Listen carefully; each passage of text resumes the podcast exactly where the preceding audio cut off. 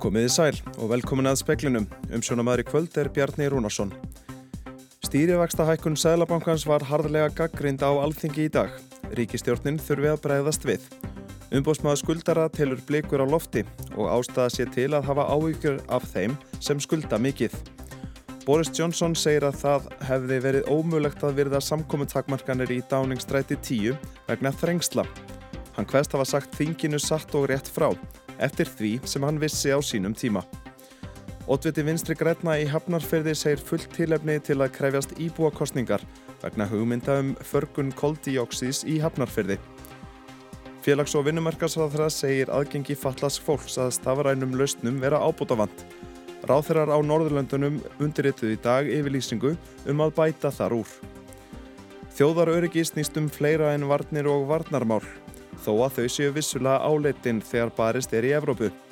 Þjóðaröryggi snýst líka um samfélag, efnahag, umhverfi og stjórnmál, segir profesor í alþjóðasamskiptum.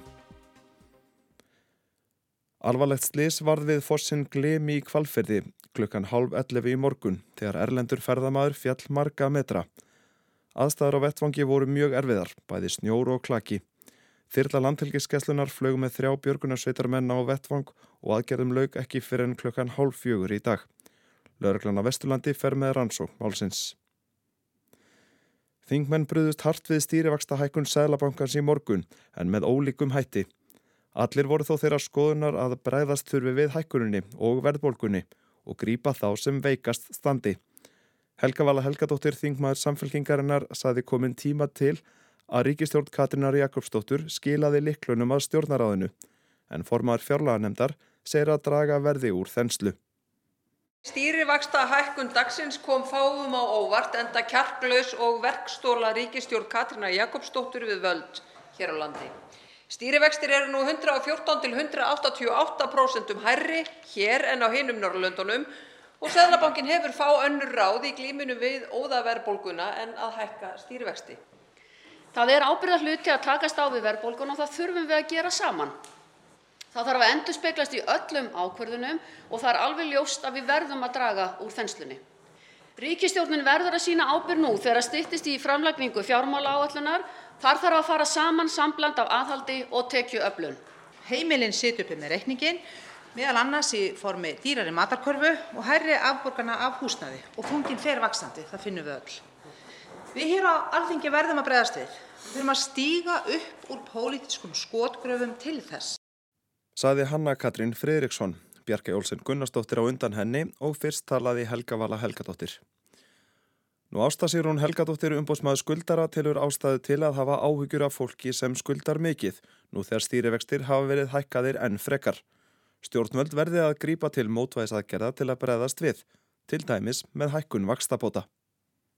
Ég bara hef miklar áhyggjur af þeim sem eru skuldsettir og, og þetta með náttúrulega hafa mikil áhrif á áborgarni lána. Ég held að það verði að fara að líta til einhvers konar mótvæðis aðgerða og við um stjórnvalda og það er náttúrulega ekki engungu áborgarna lána sem er hægt að heldur líka allir framfæslu Þannig að ég held að þessi mikla blikur á lofti og, og ég er bara miklar áhyggjur af framhaldinu. Hvað geta stjórnvöld gert við þessar aðstæður á þínum mati? Það sem ég tel bara eiginlega svona fyrsta skrefið er að vakstabótakerfið og kannarkost að sé hægt að bara breyta því þá bæði þá hækka vakstabætur og skoðuleika eignamörk. Fara þurfi ofan í sauman á því hversu mörg lán hækki vegna breytinga á föstum og breytilegum vöxtum. Við blasi að afborganir af lánum hækki verulega. Þannig að þá er það bara þannig að fólk getur ekkert greitt af þessu lánum sem við veitum öll hvernig endast. Þannig að það er ekki einhver staða sem að, að við viljum verið í. Þannig að einhverja mótvæðisækir verða að koma til. Saði Ásta Sirún Helgadóttir, Ásum Brunja Yngvarsdóttir talaði við hana. Eðsvarinn ítrekkaði Boris Johnson að hann hefði talið öllum reglum og leiðbynningum framfyllt í dáningstræti 10 í góðri trú. Hann hefði aldrei reynd að afvega leiða þingið vísvitandi. Ekki hefði alltaf verið hægt að fylgja öllum viðmiðum í dáningstræti 10 en öðrum úrræðum hefði verið beitt. Málsvörn Johnsons snerist að mestu leiti um að honum hefði þótt nöðsynlegt að halda þær samkomur sem komust í hámæli á meðan strángar samkomutakmarkanir voru í gildi í Breitlandi. Þær hefðu verið haldnar til að hveðja starfsfólk sem hefði hægt störfum við erfiðar kringumstæður og til að stappa stálinu í það starfsfólk sem var áfram við störf, sérstaklega í ástandi eins og varði í kórnuveru faraldrinum. But I will believe till the day I die that it was my job to thank staff for what they had done, especially during a crisis like COVID. Þessi ummæli Johnsons fóru verulega ítla í fjölskyldur og vini fólks sem lesta völdum COVID-19 í Breitlandi. Rifka Gottlieb, talsmanneskja hóps fólks sem misti nákomna í faraldrinum, segir augljóst og hann hafi logið að almenningi. Johnson sagði að ómögulegt hefði verið að framfylgja samkómu takmörkunum í dáningsstræti 10.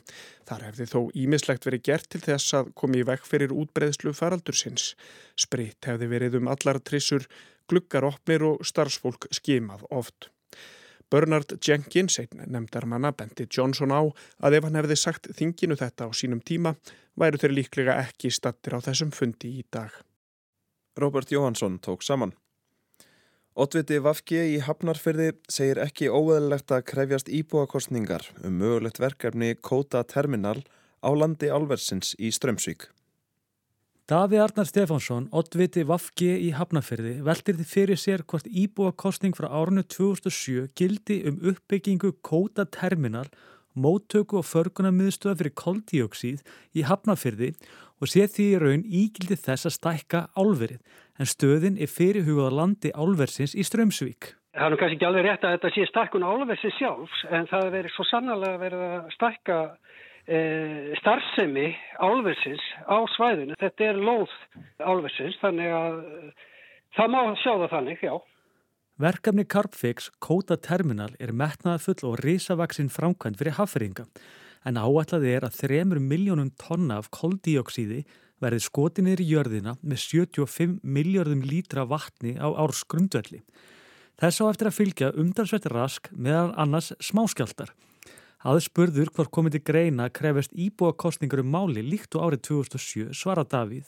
Ég vil meina að þær standi ennþá og þar er löndi fullt tilefni til þess að efna til kostninga ef að tilstendur að, að, að, eh, hefjast aftur handa við við yðnaðaruppbyggingu þarna og á þessu svæði og á þessum þunga og þessari starragráði, já. Saði Daví Harnar en nánam á lesu máli á vef okkar rúf.is. Valur Grettisson saði frá.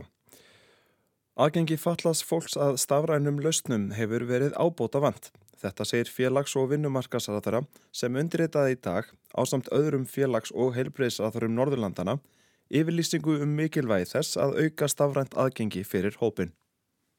Þróska hjálp og fleiri félagsamtök hafa vakið aðtikli á þeirri útilókun sem fælst í skertu aðgengi fatlas fólks að stafrænum lausnum til að mynda rafrænum skilríkjum. Guðmundur Ingi Guðbrandsson, félags- og vinnumarkasráðera, tekur undir að aðgengi fatlas fólks að stafrænum lausnum hafi verið ábótavant, jámt hér á landi sem mannastæðar á Norðurlandunum. Og aðgengi er náttúrulega fórsenda jafnræðis og sjálfstæðis í samfélaginu og eina af grundvallar stóðum fyrir eitt af markmiðum norræn samstarf sem að er að, að tryggja félagslega sjálfbærni í samfélaginu og samfélag án aðgreiningar. Því hafa hann sett málið á dagskrá í formannsáætlun Íslands fyrir Norrænu ráþæranemdina en Ísland fer með formensku í nemdini. Í dag komu félags- og heilbreyðisráþærar Norðurlandana saman á Grand Hotel í Reykjavík og undirrituðu yfirlýsingu um mikilvægi þess að auka stafrænt aðgengi fyrir hópin. Með þessu þá ætla Norrannu ríkin að taka fórustu í að mæta áskorunum sem að fylgja stafrænum lausnum fyrir falla fólk og finna lausnir á þessu sviði. Já, og hvaða lausnir sérðu fyrir þér? Já, ég get bent á það sem við höfum gert hér á Íslandi til dæmis að í oktober síðastlinum þá opnum við svo kallaðan talsmannsgrunn sem að er nokkur skonar umbóðsmannagrunnur sem að personulegir talsmenn fallast fólks geta fengið aðgang að fyrir hönd hins fallaða einstaklings. Saði Guðmundur Ingi Guðbrandsson, Hafdís Helga Helgadóttir tók saman.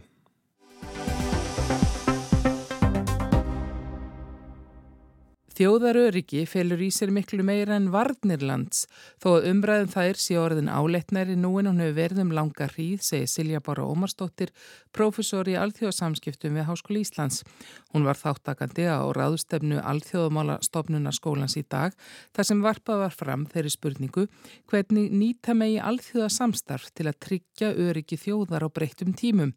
Forsetis og utaríkisráð þeirra ávörpuðu gesti í upphafi og nýleg heimsók þeirra begja til Úkrænu var þeim hugleikin. Utaríkisráð þeirra ræti þar um hvað og hvernig Ísland gæti beitt sér, þrátt fyrir og í krafti smæða sinnar.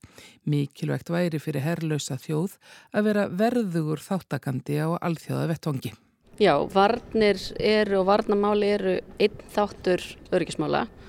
Þau auðvitað eru kannski hefðbundi minna sínilega hérna heima vegna þess að við erum ekki með herr sem að sinnir þessum hefðbundum vörnum en þetta stríði í, Úkrænu sem að, að hefur fært tilfinninguna um það að stríð sé mögulegt í nærum hverfi okkar, þetta hefur ágerst mjög mikið, þannig að eðlegt að fólk sé að bregðast við og reyna að hugsa sko, hvað, hvað er það sem tryggir öryggi okkur varnir?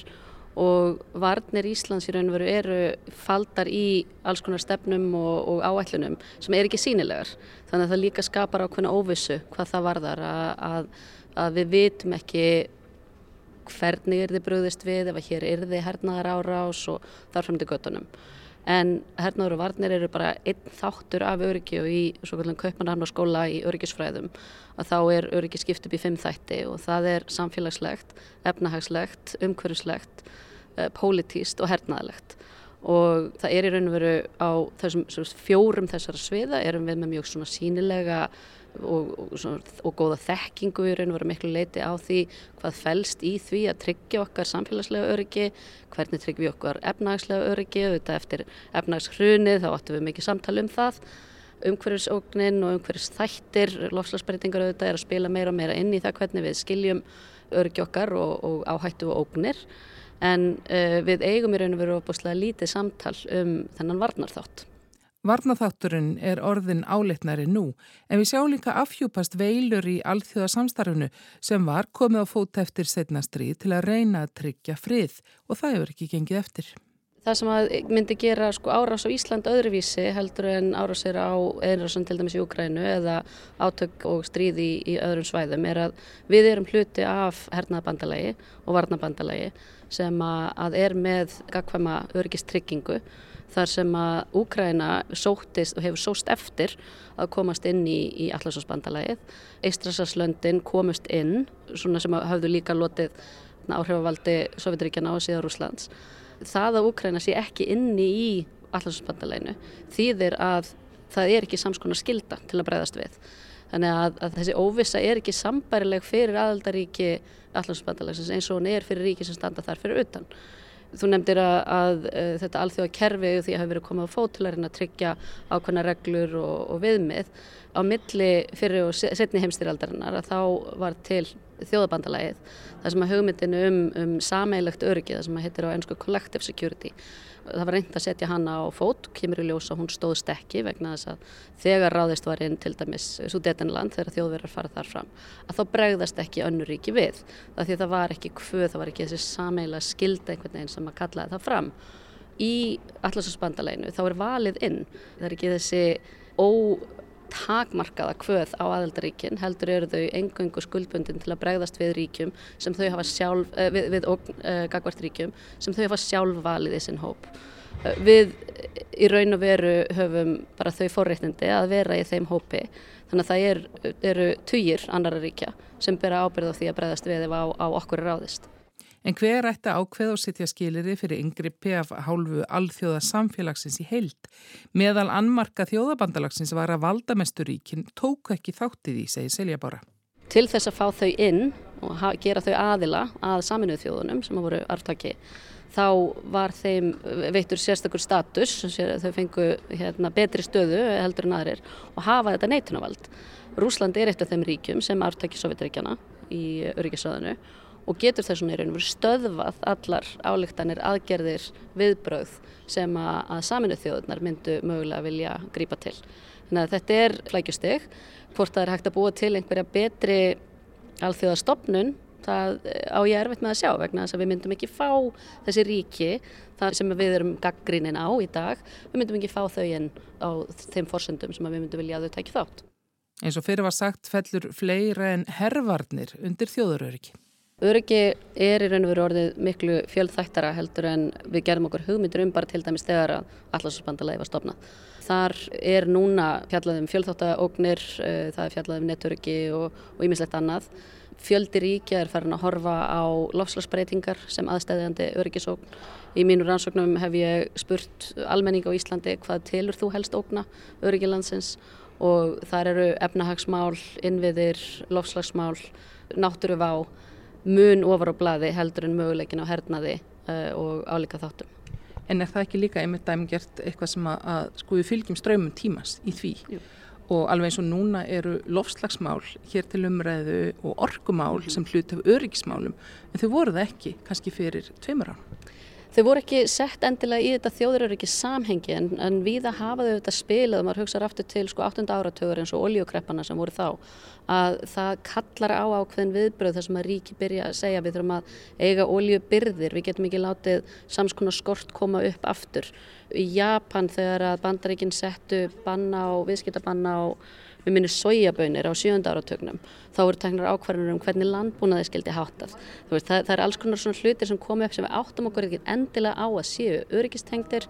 Nún erum við komið með aðra útgáfa á okkar þjóðuröryggistefnu og samhliða henni er verið að vinna alls konar byrða áætlanir og, og hluti sem að ég held að mörgum okkar hefði þótt fjárstæðukendir fyrir 10-15 árum að hugsa um sem, sem öryggismál þetta bara sýnir hversu mikið við þurfum að, að sko, ná þessari heldarmynd og ekki fókusera eingöngu á að hér þurfa að vera sko herr sem getur bröðust við hernar árás, árás sem gæti verið að taka niður innviði, það gæti verið að uh, taka í sundur ljósleiðara, uh, sæstreng, eitthvað sem að, að í raun og veru kemur í veg fyrir að við getum átt okkar svona daglega líf og hamlaði lífskeiðum okkar verulega. Það eru hlutir eins og bara þegar það gerist innan hérna fyrir nokkrum árum að, að greiðslukerfi laðist af og, og fólk stóði í apotekum og gæti ekki leist út lifin sín vegna þess að það er bara með kreditkort og til þess að geta nota það og bara til þess að geta notað kassana og afgreiðsluna þá þarf það að vera með þessa tengingu virka.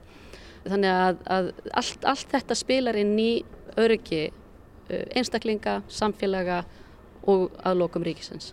Norræna samstarf skiptir greiðilega miklu máli og þar eru við bæði með þessa sameilegu uh, hugmynd um samfélag og, og gildi sem við byggjum okkar samfélag á en við erum að auki með norræna samstöðu yfirlýsingu það sem að Norrlöndin hafa skuldmyndið sig til þess aðstóða í ákveðnum tilvikum sem að NATO til dæmis nær ekki yfir. Við erum líka með norrænt uh, varnarsamstarf sem að, að verður áhugavert að sjá hvort það verði nöðsynlegt ef til kemur að Finnland og Svíþjóð komast bæði inn í, í allarsvarsbandalæðið. Við erum í raun og veru með samstarf á mjög ólíkum og fjölbreyttum grundvelli til þess að tryggja það að bæði fáum þekkingu, upplýsingar og samstöðu þegar að ógnist eða að. Og það sem kannski hefur breyst mínum að þetta hvað mest, að það er ekki að ógnirnar hafi breyst svo mikið, ég var vissilega frá því að vera kannski engöngu hernaðurógnir yfir að vera þessar fjölþættu og fjölbreytilegu ógnir, heldur er það áhættan á því að eitthvað verði gert og við erum að sjá það með aðtapnir Rúslands, ekki engöngu í Ukrænu, heldur líka gagvart öðrum ríkjum að það er að grafa undan trösti á ofnbjörnum stofnunum og stjórnvöldum, það er að skapa upplýsingaóreiðu og, og einhverju leiti þá líka til dæmis með því að beita fyrir sig sínum uh, gasbyrðum að þá er það að hafa áhrif á bara getu eða tröst sagt, íbúa Vesturlanda, Vestur-Európu á því að, að ríkistjórnir þeirra geti tryggt þeim aðgangað til að hitta húsin sín. Þannig að þetta er, þetta er fjöldþægt stríð. Saði Silja Bára Ómarsdóttir, Anna Kristín Jónsdóttir talaði við hana.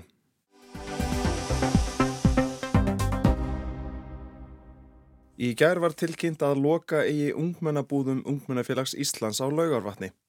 Ástafan er svo að mikla greindist í húsnæðinu sem búðunar hafa til umráða. Gamli íþróttakennaraskólin á laugarvatni. Dvöl í búðunum er oft mikið æfintýri fyrir börn í nýjöndabekk. Veku dvöl út í sveit utan skarkala hverstagsins.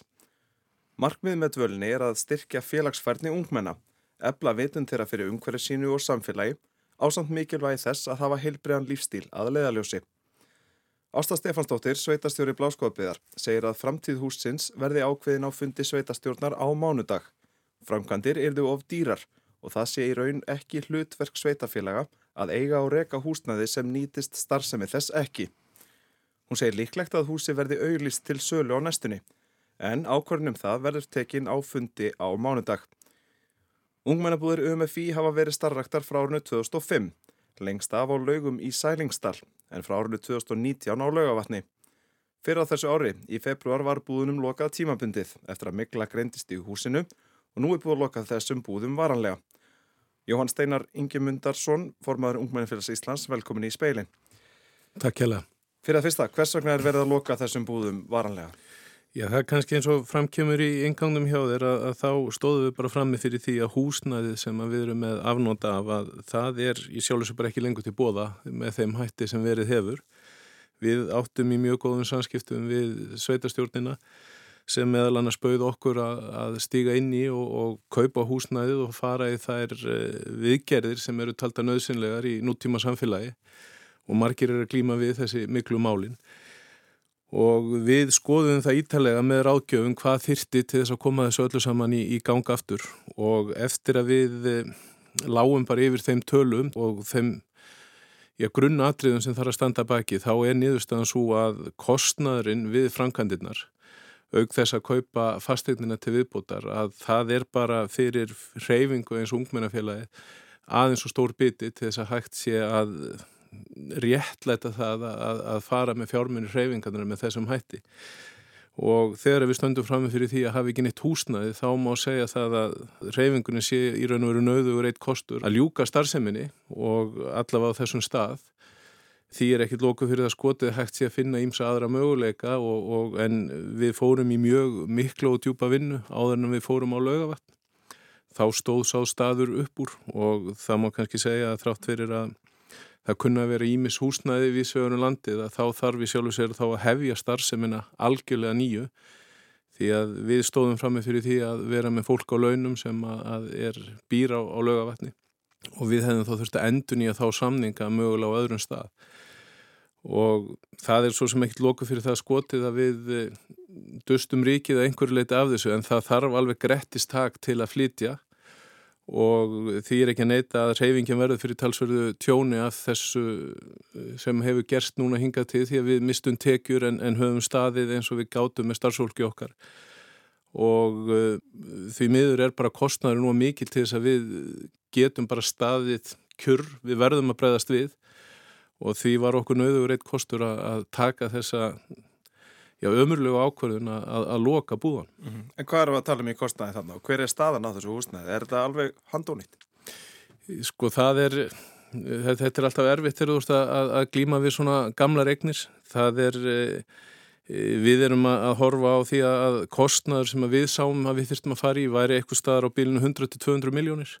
Það var ekki búið að ganga frá ákvörðunum um, um, um kaupverð svona með formlegum hætti en bara sá kostnaður einn og sér þó við höfum svona vísbendingar um, um hvað við getum reynd að ljúka þessu á.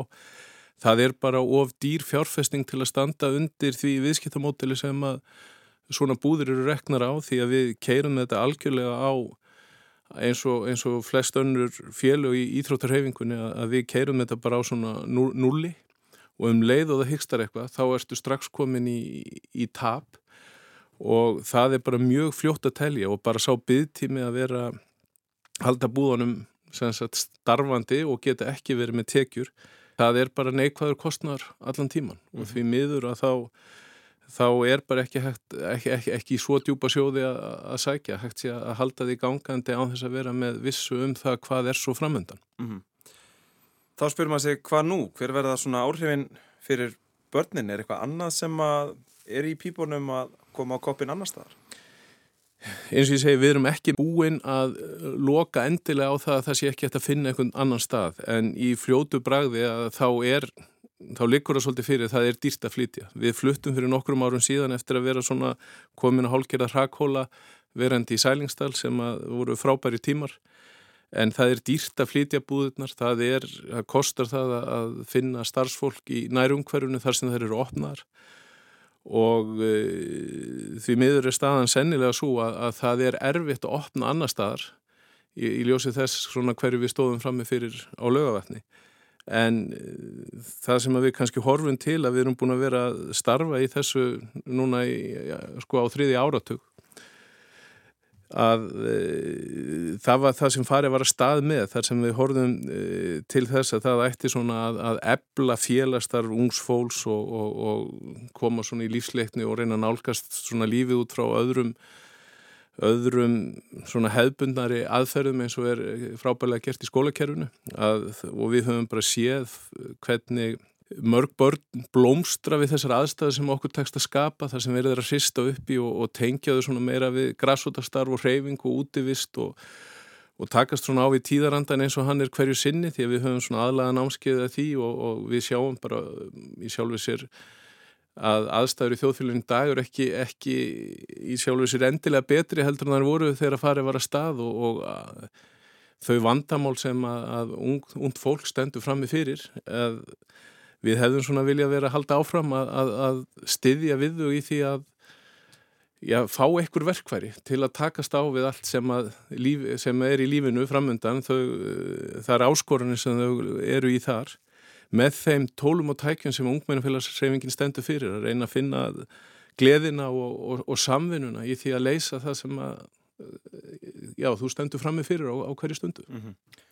En því að við ekki leita til stjórnvaldam um eitthvað aðkomu að því að halda þessu gangandi? Jú, við, við reyndum allar okkar leiðir með, eins og við getum og við konnuðum þessar, þessar hefbundu leiðir sem við stöndum fram með fyrir að, heyra í sveitafélugum og, og yfirvöldum hvað hægt væri að gera. En allavega í þessum hraða sem að þurfti að taka þessar ákvarðanir að þá var ekki hægt að finna neinar lausnir í, í því að styðja við þetta en eins og ég segi það er maður veit ekki hvað framtíðin ber í skauti sér en, en við urðum að taka þessa ákvörðun á þessum tíma því að, að fyrir hreyfinguna þá var bara of mikil óvissa og of mikil kostnar sem við þurftum bara að því miður að takast á við mm -hmm. Þið haldið úti og, og reykið skólabúður á reykjum í hrútafyrði er það nóg komast allir að þar sem að vilja? Nei, það má kannski segja að, að við töldum okkur vera komin okkur skemmtilegt tví ekki í þessu, vera með sagt, bæði skólabúðir að Reykjumir hútafyrð og hins vegar ungmennabúðirnar og lögavatni og þetta talaði nokkuð vel saman því að svo á Reykjum erum við með sjöndabekkin og það er bara uppselt hjá okkur þar þannig að það er ekki eins og eins og við náum að sinna öllum sjöndabeknum og, og sama staða var svo sem á, á lögavatni að það vildu fleiri koma stað heldur, heldur en hægt var.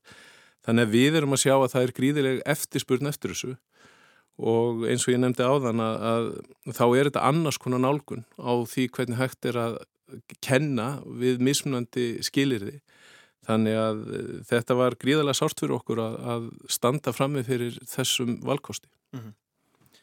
Við komumst ekki lengra sinni. Takk hjá það fyrir komina í speilin Jóhann Steinar Ingemyndarsson formadur Ungmennafélags Íslands. Takk fyrir. Og það skulle við gá til veðurs. Hægt mingandi norð-austanátt 10-18 metrar á sekundu sent í kvöld Jél víða um land en bjart sunnan og vestanlands.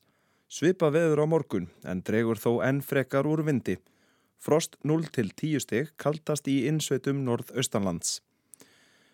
Og það var helst í speiklunum í kvöld að stýrivexta hækkun Sæðlabankans var harlega gaggrind á alþingi í dag. Ríkistjórnin þurfi að bregðast við. Umbúsmaða skuldara telur blikur á lofti og ástæða sér til að hafa áhugjur af þeim sem skulda mikill. Boris Johnson segir að það hefði verið ómögulegt að verða samkominntakmarkanir í dáningstræti 10 vegna þrengsla. Hann hverst hafa sagt þinginu satt og rétt frá eftir því sem hann vissi á sínum tíma. Otviti vinstri grætna í Hafnarfyrði segir fullt tilefni til að krefjast íbúa, íbúakostningar vegna hugmynda um förgun koldioksís í Hafnarfyrði. Félags- og vinnumarkasráð þeirra segir aðgengi fallas fólks að stafrænum lausnum vera ábútafand. Ráþeirar á Norðurlöndunum undritu í dag yfirlýsingu um að bæta þar úr. Þjóðaröryggi snýst um fleira en varnir og varnarmál, þó að þau séu vissulega áleitin þegar barist er í Evrópu.